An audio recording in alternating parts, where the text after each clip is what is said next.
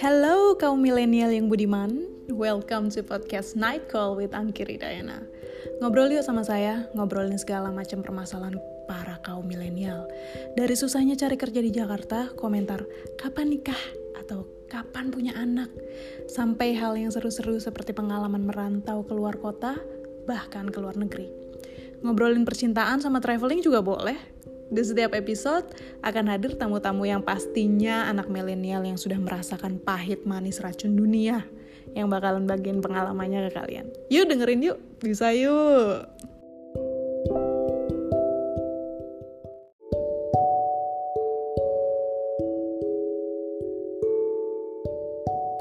Hai, selamat malam teman-teman. Semoga masih semangat ya, walaupun PPKM diperpanjang.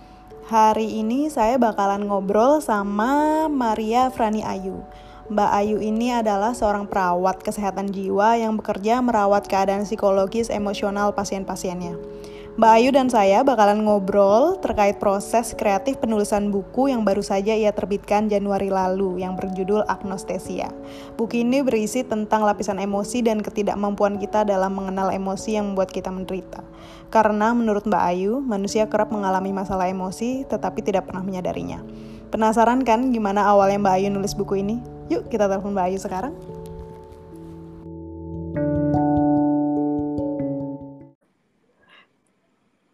Halo. Halo Mbak Ayu. Halo Mbak Angki. Akhirnya dengar suaranya juga. iya, ya ampun. Ya ampun, aku nervous banget loh. Aduh, Beneran. kok nervous sih? Ini malah aku yang nervous Kan beneran, fans, beneran. aku fans. Aduh, jangan gitu dong. Mbak, Ya apa kabar ampun. Mbak? Luar kan? biasa. Eh, syukur ya, syukur masih sehat gitu ya, masih dalam keadaan Mm-mm. sehat, baik-baik gitu. Harapan yang sama untuk Mbak Angki ya. Iya. Sehat. Mm. Sehat loh. Di Banjarmasin kan ini lokasinya ya Mbak ya? Iya benar di Banjarmasin. Iya benar. Kita ya kasus Covid meningkat dan sebagainya. Oh iya, ya, tapi nggak ada PPKM ya di sana Mbak? Eh, syukurnya enggak. Kita di daerah Banjarmasin enggak, enggak. Heeh. Oh. P- gitu. PPKM wilayah Jawa, Hmm. ya Jawa, eh, Pulau Jawa dan sekitarnya kan ya. Jawa Kemudian- Bali Hmm, Jawa. Bali, benar, benar, benar, diperpanjang lagi benar, apa-apa. benar. Pembatasan itu di Kalim di Kalimantan lain sih, tapi untungnya Banjarmasin enggak gitu. Jadi itu bisa ja- masih bisa Oh, masih bisa jalan-jalan lah gitu kan ya. Iya, masih nggak di rumah aja gitu ya. Benar, benar, benar. Mbak, makasih banget loh pertama-tama mau eh, bilang makasih udah mau ja- jadi tamu podcast ala-ala ini. Oh, jangan gitu dong. Aku aku dengerin loh. Maksudnya aku dengerin apa eh, podcastnya Mbak gitu kan. Uh, kece banget narasumbernya. Dibandingkan dengan aku ya. Maksud dibandingkan aduh jauh banget.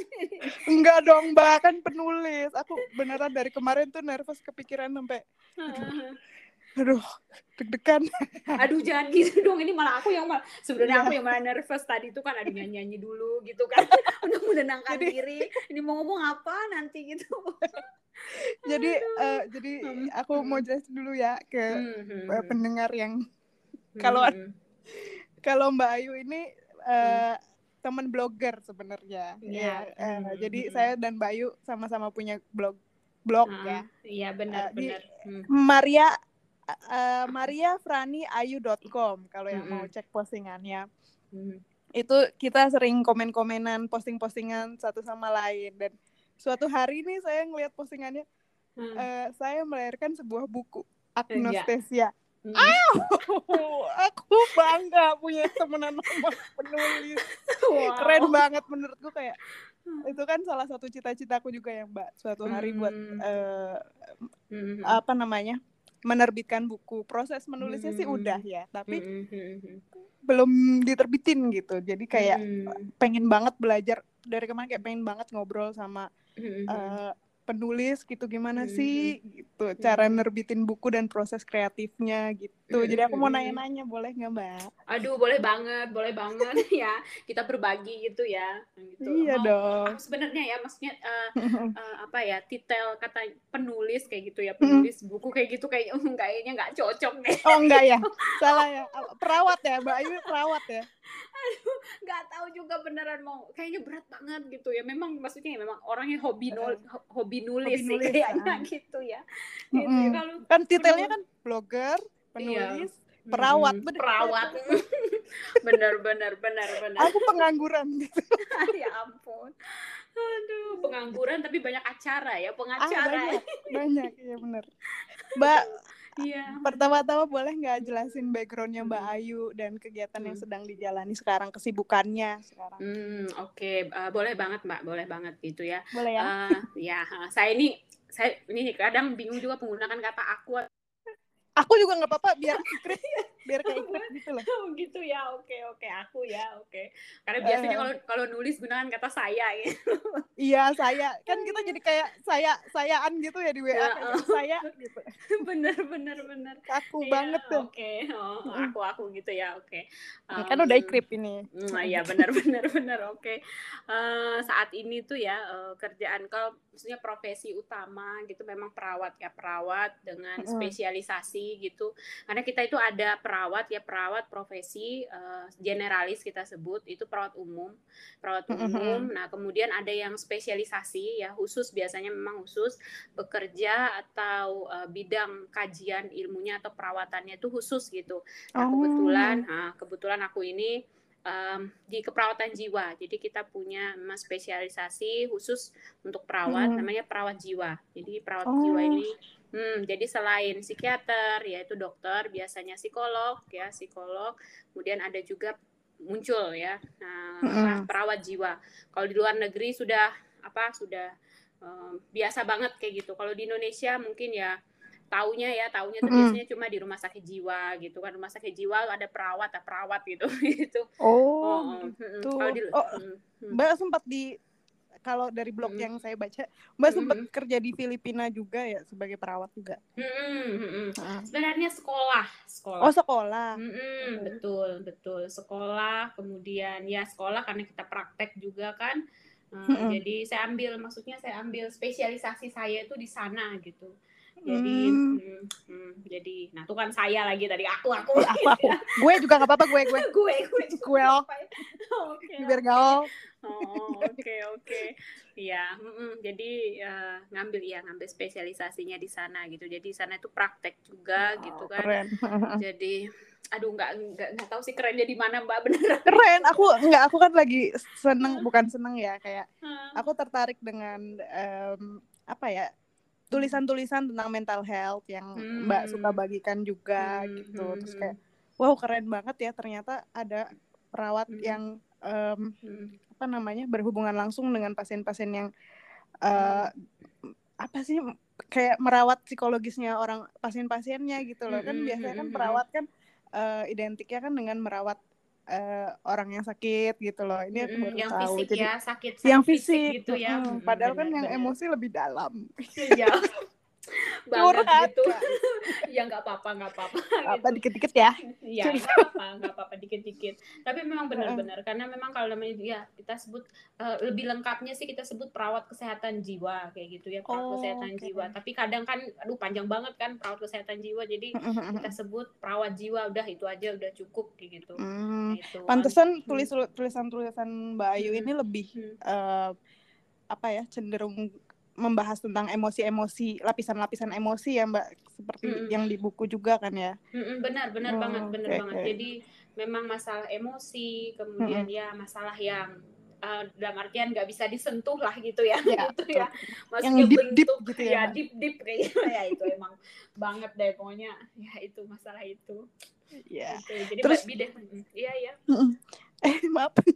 Terus aku mau nanya Mbak eh, apa kan aku belum nggak tahu nih ya rasanya Uh-huh. Mbak karena belum pernah nerbitin buku oh iya iya oke oke. perasaannya gimana sih Mbak ketika buku eh, buku yang Mbak Hmm. tulis ha. tentang hal-hal yang em, hmm. tentang hal-hal yang Mbak senangi eh bukan senangi ya Hmm. kayak yang menarik perhatian Mbak itu pertama kali Hmm. diterbitkan kayak Hmm, rasanya tuh hmm. gimana gitu loh Mbak biar aku tahu gitu loh Oh oke, Eh, oke itu eh, waktu diterbitkan itu eh, apa ya? Sebenarnya sebelum sebelum diterbitkan, waktu dihubungin dihubungin editor. oh itu Itu dihubungin editor Iya Ya dihubungin ampun. editor. Eh, terus terus Aku tuh pertama tuh gini kan, maksudnya em, pertama kan eh, dihubungin editor gitu kan katanya ada dapat email gitu. Saya eh, Mm-mm. Saya Mas apa? gitu kan disebut namanya kayak gitu. Saya editor hmm. dari dari penerbit ini. Saya sangat hmm. tertarik sekali untuk menerbitkan tulisan Mbak Ayu yang ada di blog ini ini kayak gitu kan. Oh dia baca blog Mbak? Benar benar. Iya dia keren banget terus terus.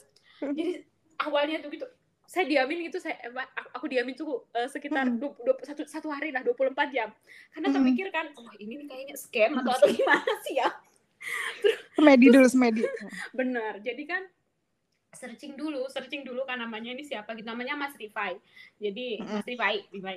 Nah, jadi searching gitu, oh beneran ternyata editor buku kan baru baru bala, baru ya baru balas gitu kan. Oh excited banget waktu itu kayak nggak percaya gitu ya, nggak percaya.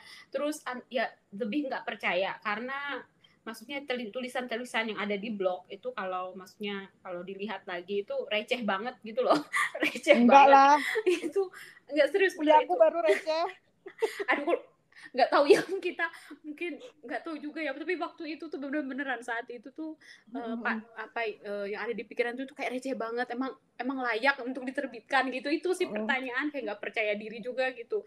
Tapi editor ini ya waktu itu Mas Rifa itu emang aduh Uh, membantu banget kayak gitu meyakinkan untuk untuk uh, nerbitkan tulisan-tulisan yang dia pilih sendiri dari blog.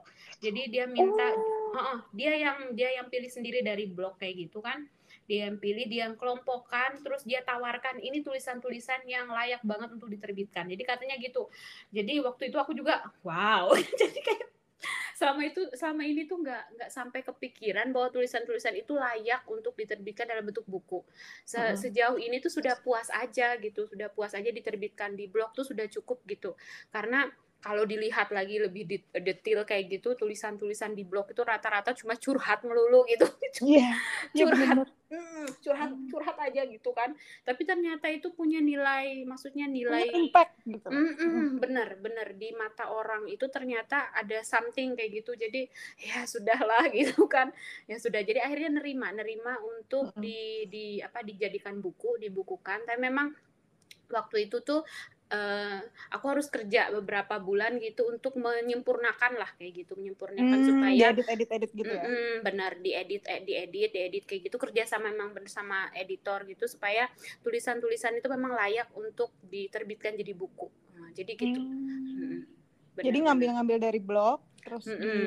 di, di dikembangkan. Kembangkan oh mm -mm, mm malah waktu itu Mas Rifai itu yang apa ngasih tahu kayak gitu ya maksudnya membuat aku tuh ngeh kayak gitu ya kalau kalau ternyata tulisan-tulisan itu banyak masalah emosional gitu mm-hmm. karena selama ini kan ya curhat aja gitu ya curhat iya benar-benar jadi kalau waktu maksudnya lagi waktu kesepian atau dalam yeah. artian lagi down banget gitu mm-hmm. kan nah jadi jadi nulis gitu kan jadi mm-hmm. itu natural mm-hmm. aja gitu nggak taunya kan ada benang merahnya kayak gitu mm-hmm. yang dilihat oleh editor di sini terutama kemudian dia lihat oh ini masalah emosional yang paling banyak muncul gitu. Jadi kita angkat hmm. tema masalah emosional aja gitu. Gitu.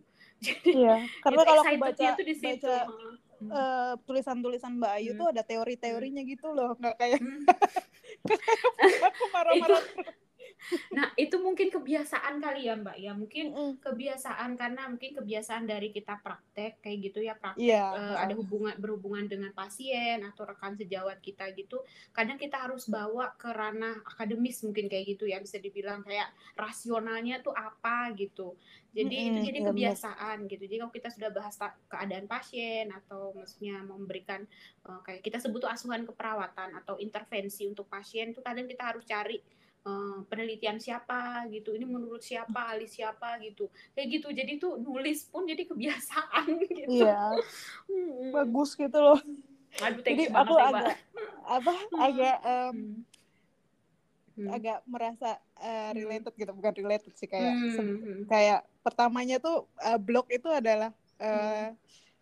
sebuah platform buat terapi hmm. untuk hmm. mengungkapkan perasaan hmm. sendiri gitu awalnya juga pas aku pas 2017 tuh buatnya hmm. tuh kayak nggak ada nggak ada intensi buat ada yang baca kayak terserah kayak pokoknya pengen hmm. punya uh, vertikal sendiri hmm. gitu ya. Hmm, benar-benar wadah Terus, kayak gitu ya wadah, wadah untuk uh, benar menumpahkan segala ya, wah segala apa gitu ya. segala unek-unek dan oh, sharing gitu, hmm, traveling bener. tentang traveling tentang apa tentang emosi gitu. Hmm, Tapi hmm. yang kurasain pas 2020 hmm. itu kayak hmm. Ternyata bisa ada followersnya ya terus ternyata Mm-mm. bisa komen-komenan dan kita baca blognya loh ternyata ini juga nulis Mm. nulisnya tuh beda-beda Mbak Ayu tentang emosi ada ada Bang Ical juga gitu kan. Mm-mm, benar benar benar Iya. benar benar Oh, Bang Ba- Ical Bang mau jadi ini loh jadi narasumber selanjutnya. Bener wih itu kece banget. Aku Iya. harus dengerin. Pustakawan. Iya itu kece banget. Itu nulisnya kece badai beneran. Iya itu sampai beneran. sampai ada satu titik di mana aku yang kayak ya ampun Hmm. kok gue malu ya gitu karena Aduh. stresnya itu gitu tapi Hmm. tapi ternyata eh, blogger-blogger ini juga komunitas blog- blogger ini eh, suportif satu sama lain dan hal yang tadinya cuma untuk ya nulis-nulis biasa ternyata Mm-mm. ada impactnya buat orang yang itu yang kayak Mm-mm. mbak mbak Hmm. mbak Ayu rasain kan kayak Hmm, ternyata benar Mm-mm. ternyata itu juga sebuah portofolio juga gitu loh untuk iya benar benar ya makanya congrats banget mbak aku Aduh, bangga thank, nih. Thank you banget ini. Mas iya. di awalnya itu beneran itu mikir kayak eh, kalau misalnya tadi ditanyakan maksudnya waktu diterbitkan sudah jadi buku kayak gitu kan Mm-mm. itu eh, kayak gimana ya lebih excited itu waktu dihubungin editor gitu. Iya iya iya. Lebih excited banget kayak gitu. Itu kayak kemudian apa ini? Gitu. Iya makanya. Kayak aduh beneran ketiban duren beneran itu tuh. Durian Enggak, nombok enggak, kayak tapi gitu. you deserve it, Mbak. You deserve it. Kayak. Aku aja fans berat gitu loh. Aduh, thank, thank, you banget mbak. Tapi man, Mbak, eh, hmm, iya ya. hmm. Apa? Eh. Sorry, Mbak. Ini saking excited banget mau ngomong. Eh, Kenapa apa boleh? ya?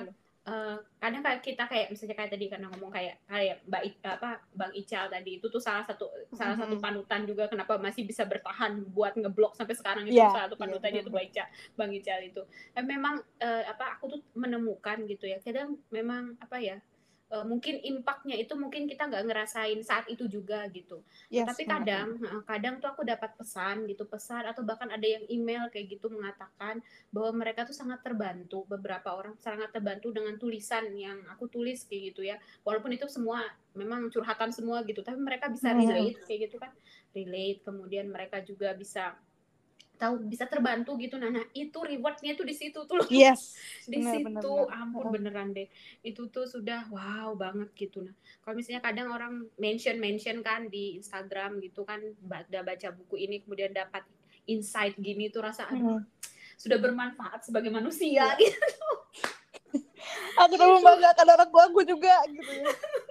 Bener-bener aduh itu klise banget sih tapi aduh Iya, benar itu bangganya Iya. tuh di situ senangnya tuh di situ gitu Iya, ada Gitu yang reach sih. out gitu terus Hmm. merasa. bener Bahkan kalau komen-komen di blog aja udah kayak ya ampun siapa ya orang orang ini yang membaca tulisanku gitu ya.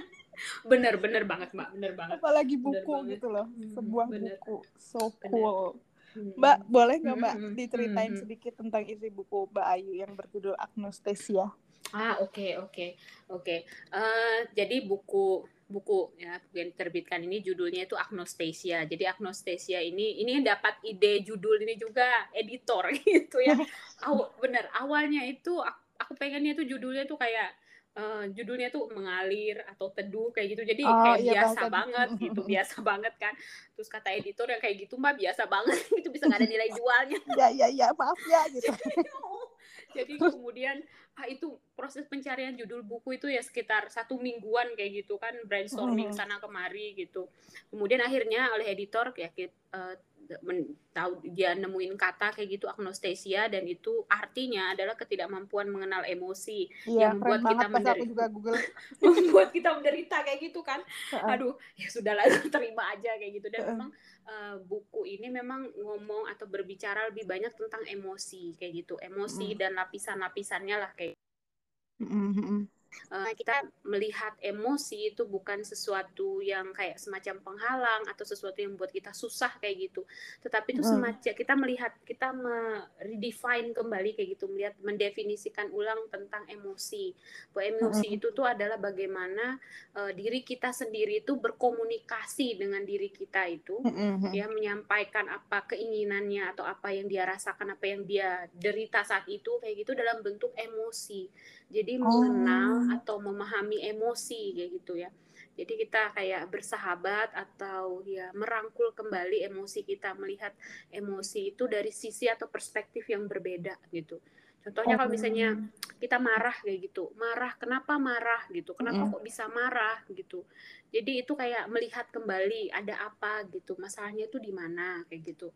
Tanpa dalam artian tidak hanya berfokus pada kalau marah kemudian ya sudah kulampiaskan rasa marahku kayak gitu, pukul sana pukul sini atau maksudnya eh, marah-marah ke sana atau kemari gitu. Enggak enggak kayak gitu. Tapi kita kayak menarik kembali diri untuk melihat dan bertanya gitu kenapa saya marah? gitu. Jadi kalau buku ini pada intinya itu berbicara tentang emosi dan bagaimana kita berdamai berdamai. Saya maksud uh, aku gunakan kata berdamai kayak gitu dengan dengan emosi gitu. Dan uh, muara akhirnya itu adalah menemukan diri kita sendiri kayak gitu, mengenal, hmm. mengenal diri kita secara lebih personal, lebih dalam, berkomunikasi dengan diri kita sendiri gitu, untuk yeah. menemukan jalan yang terbaik kayak gitu ketika kita mengalami masalah atau hmm. hambatan secara emosional atau psikologis kayak gitu.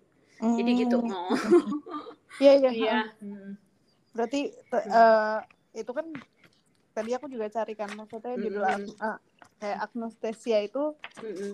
adalah ketidakmampuan kita dalam mengenal emosi yang membuat kita menderita jadi mm -hmm. uh, kalau kita mm -hmm. punya emosi nih kadang juga mm -hmm. orang kan kayak gue nggak tahu nih kenapa gue marah gitu loh dan mm. dan aku kayak gue jadi dan kita kayak nggak kalau kita nggak mau cari tahu kenapa kita marah gitu loh hmm. itu kita bakalan suffering gitu loh dari itu menurutku ya kayak gitu jadi um, benar, benar.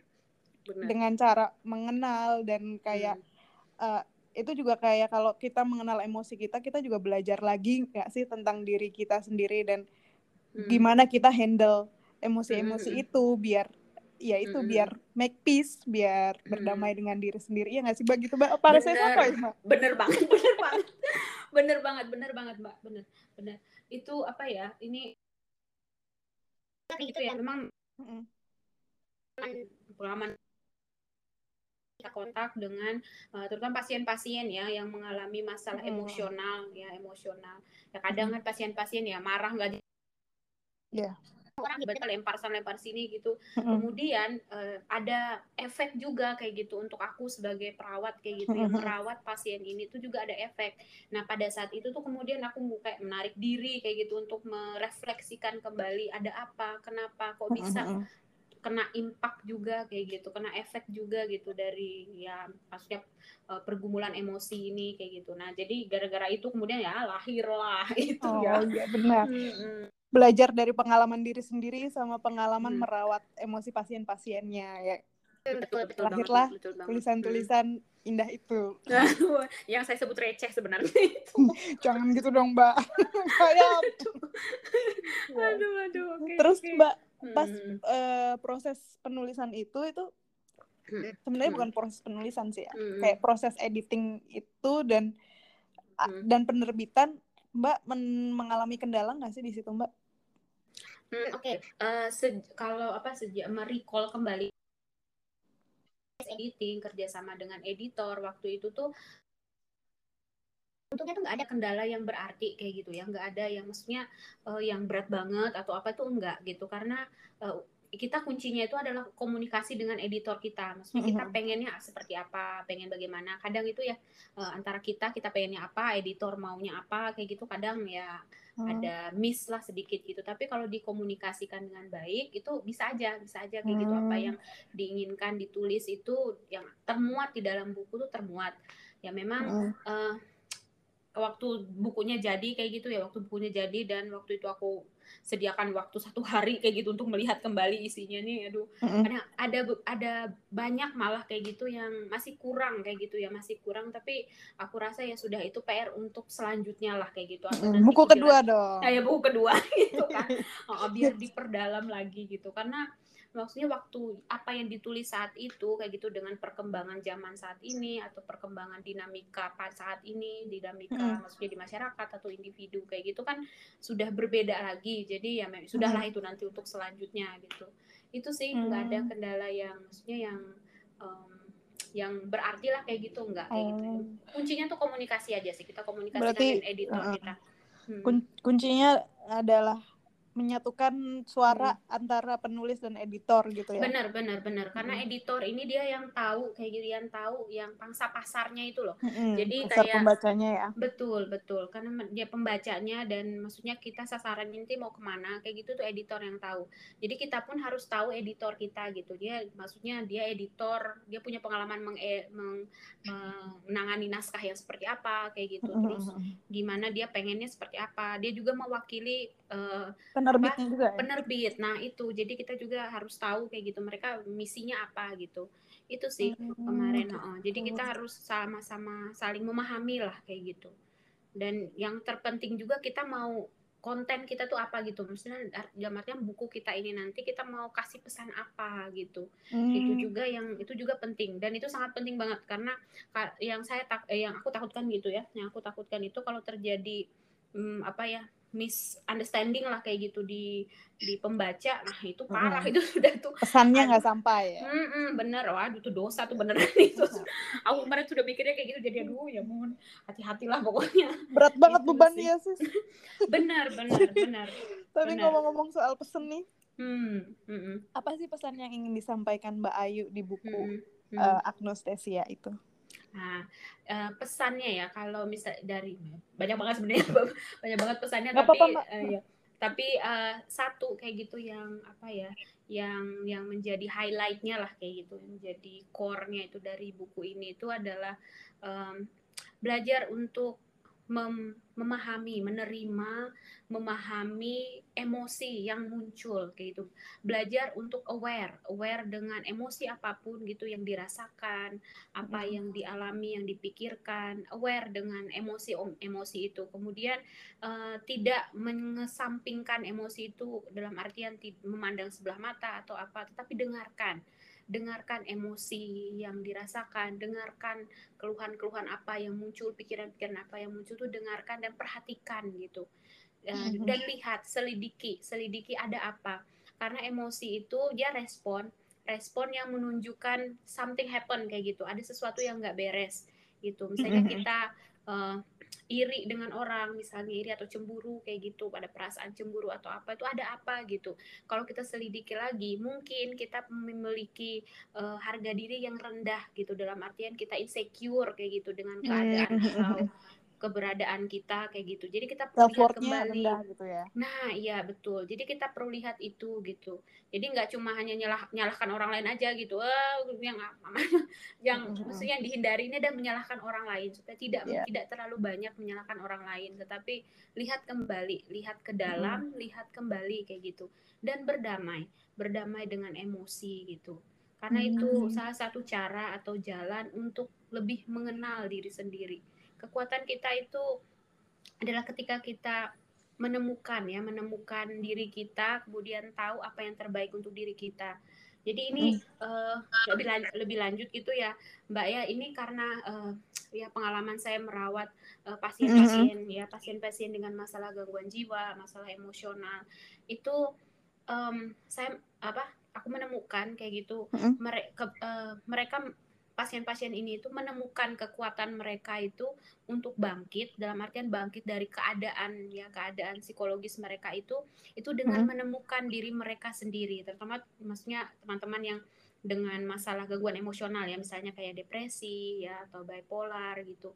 Mereka mm -hmm. menemukan uh, kekuatan mereka untuk bangkit untuk dalam artian move on kayak gitu dengan keadaan mereka itu dengan menemukan diri mereka sendiri gitu.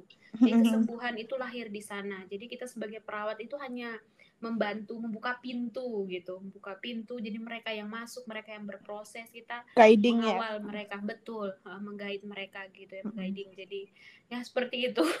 Jadi itu banyak amat kan banyak amat jadi enggak tuh ya, saya, saya denger jadi uh, kayak menghadapi emosi itu ya caranya kayak kayak itu lagu Selain Seven itu loh mbak lihat hmm. dengar rasakannya nggak sih oh, kayak bener banget apalagi zaman sekarang ya um, hmm, hmm. orang tuh takut ya ini hmm.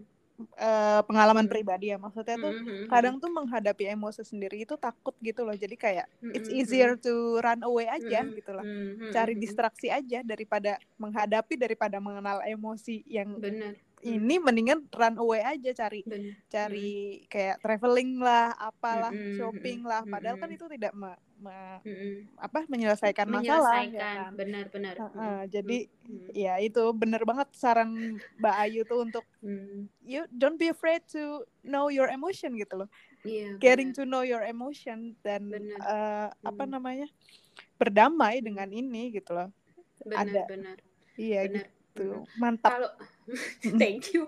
Thank you pak. Harus banget semua orang baca bukunya thank you thank you. Mungkin Mm. kalau misalnya ah, pertama maksudnya bukan pertama sih mungkin satu atau dua kali. Respon pertama kita itu memang biasanya adalah maksudnya denial ya dalam arti kita Denial. menyangkal eh, menyangkal apa yang kita rasakan apa yang kita alami. Itu wajar gitu ya wajar wajar banget gitu.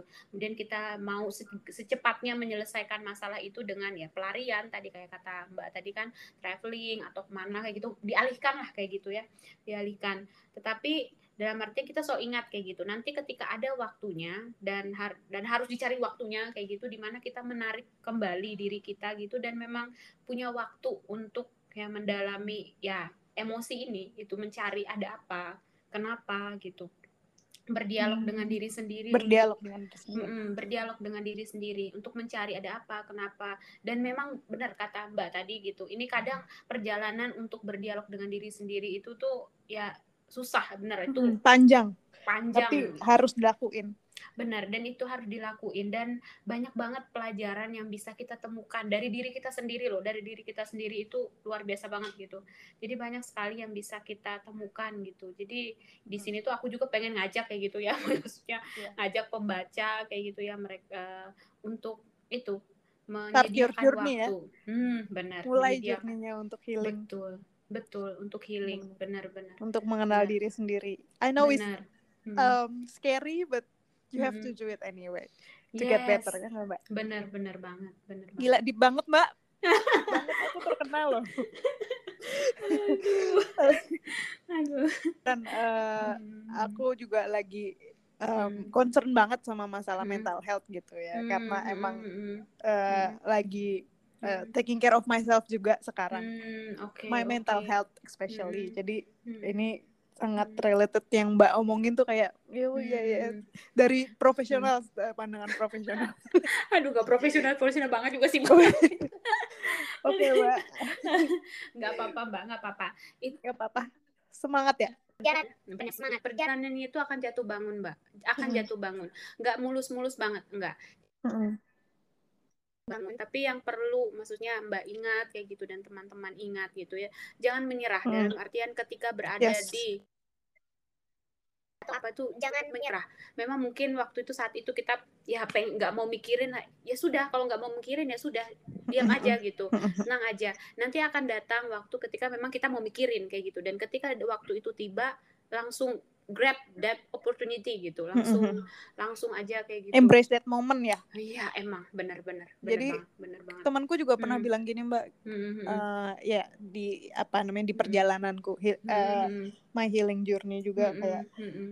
kadang kan capek ya kadang kan kayak Mm-mm. frustasi dengan situasi kok Mm-mm. nggak getting better gitu gitu Mm-mm, tapi mm-mm. temanku tuh selalu bilang kayak Hmm, hmm. ki um, one step forward two step Mm-mm. backwards is okay but just keep moving keep moving anyway Mm-mm, gitu loh kayak mm-mm. nggak apa-apa mundur mundur eh maju satu langkah mundurnya dua langkah nggak apa-apa maju lagi aja terus Mm-mm, terus terus mm-mm. terus gitu sampai tapi yang penting jangan diem gitu maju aja terus gitu untuk betul dealing with my emotion gitu benar Mbak. benar benar benar aduh seru banget, banget ya ih, seru banget kita ya. Banget jadi kayak orang banget. bener. Mbak, Mm-mm. untuk penutup ya ada Mm-mm, saran nggak mm-mm. sih mbak untuk Hmm, um, orang-orang yang mungkin sedang um, hmm, dalam proses penulisan buku gitu agar bukunya bisa diterbitkan? Hmm. Eh, saran ya saran. ini minta sebenarnya buat aku.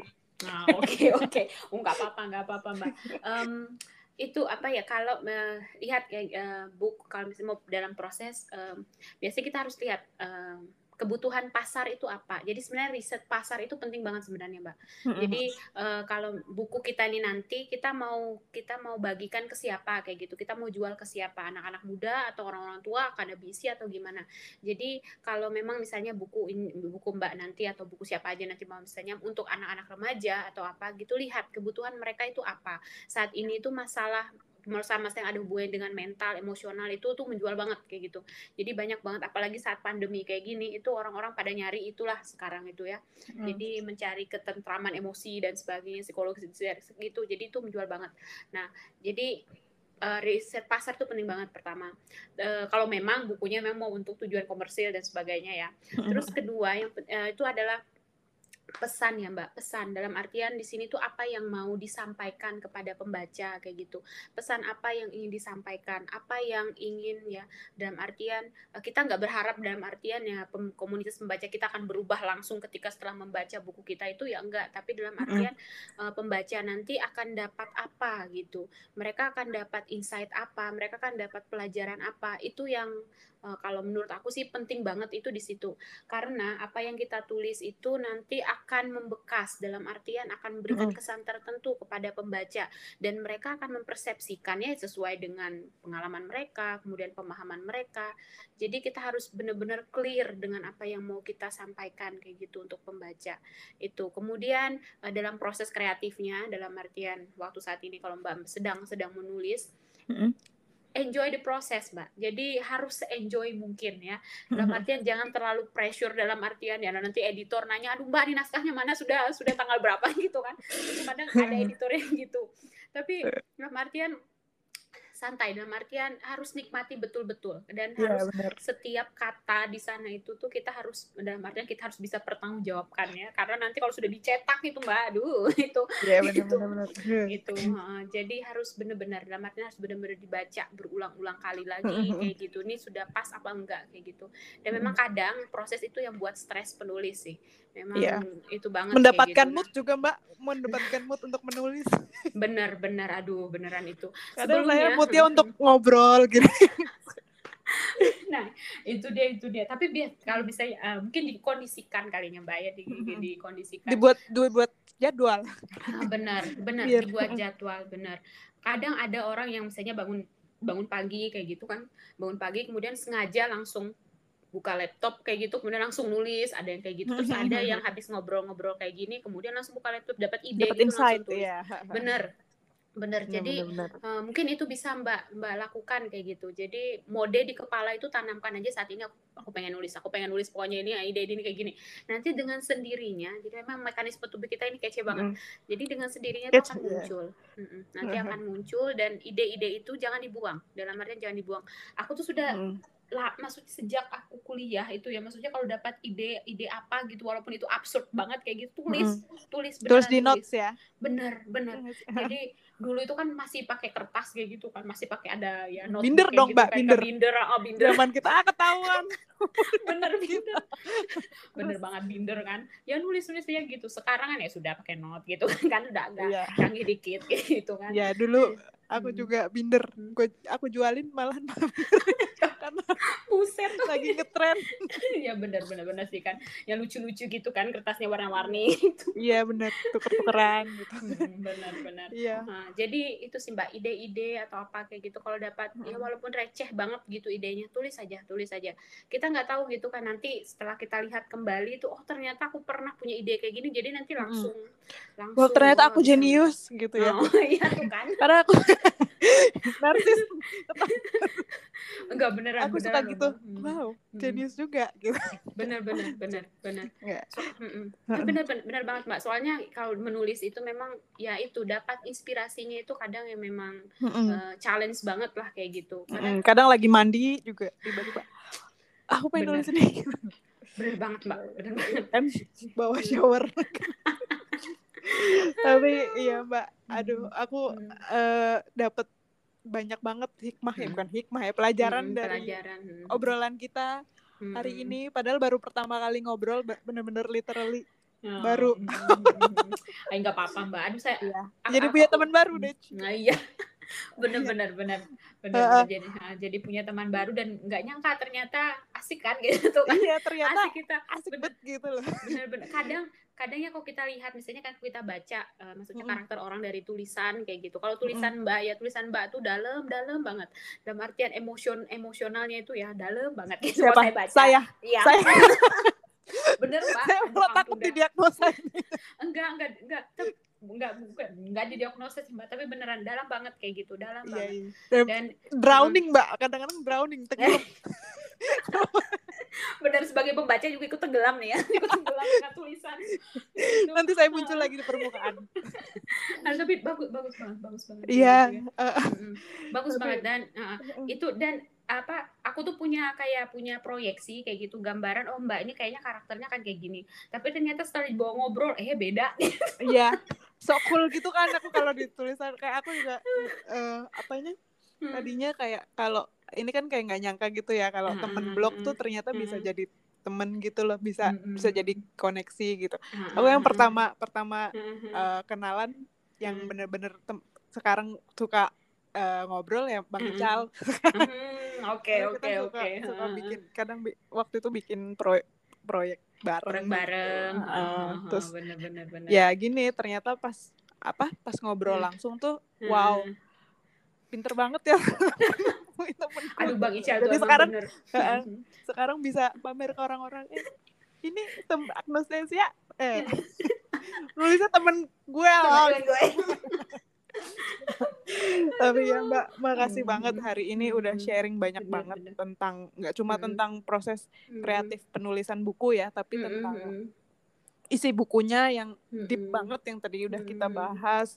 Pesan yang pesan yang sangat sangat berguna ya buat pembacanya kalau kalau eh, pembacanya juga lagi mer, apa ada di emosi-emosi yang mbak ceritakan di buku itu pasti akan. Berguna banget gitu loh mbak mungkin saving a people's life mbak ini Hmm. Iya iya iya. Semoga Iya. Mbak ya, semoga gitu. Takutnya itu malah jadi pedang bermata dua gitu. Jangan takut save dong. jangan takut mbak. Iya bener Iya. bener. iya Hmm, makasih oke. banyak ya mbak buat Iya, malam ini nanti Mm-mm. kapan-kapan kita ngobrol lagi ya tentang isi bukunya lebih mendalam karena ini kayak Mm-mm. kayaknya seru banget ya Hmm, kalau hmm, kita ngobrol lagi hmm. Iya iya iya. Boleh boleh banget Mbak, boleh. boleh banget. kan mbak Iya season banget, 2 boleh nih Iya season kan 2 ya. Iya iya. oh. Dan Iya. aduh saya aku nunggu banget ya, nunggu banget, nunggu banget bukunya Mbak beneran. Nanti dikasih kabar Bukuku? kabaran ya. Amin doain banget Kabar aku WhatsApp ya. Oh, Iya, WhatsAppan habis itu siap. aku kamu ya jangan Iya, saya oke oke. saya anda Oh, Oke oke. ya udah mbak Oke, makasih hmm. banyak mbak Eh, hmm. wak- untuk waktunya untuk Hmm. sharingnya dan eh, sehat-sehat selalu di sana sama keluarganya Hmm. dan semangat untuk kerjaannya ditunggu buku keduanya dan Dalam proses.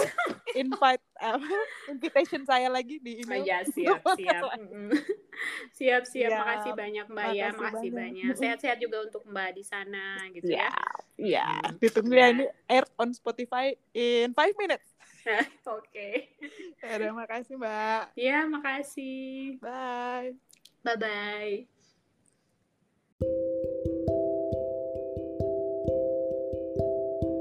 Wow, seru banget ya obrolan saya sama Mbak Ayu malam ini. Sekarang saya jadi tahu banyak tentang proses kreatif penulisan buku. Bukan cuma tentang proses penulisan buku, tapi saya juga jadi belajar banyak tentang masalah emosi yang sering kita abaikan. Mengutip perbincangan saya dengan Mbak Ayu malam ini, kita harus mengenal emosi diri sendiri. Karena dengan lebih mengenal dekat emosi yang ada pada diri kita, kita jadi bisa lebih tahu bagaimana menghadapi emosi itu dan berdamai dengan mereka. Untuk yang sedang dalam proses penulisan buku, semangat terus untuk tetap menulis ya, biar suatu hari buku kalian bisa diterbitkan juga seperti punya Mbak Ayu. Thanks guys for listening. Have a good night.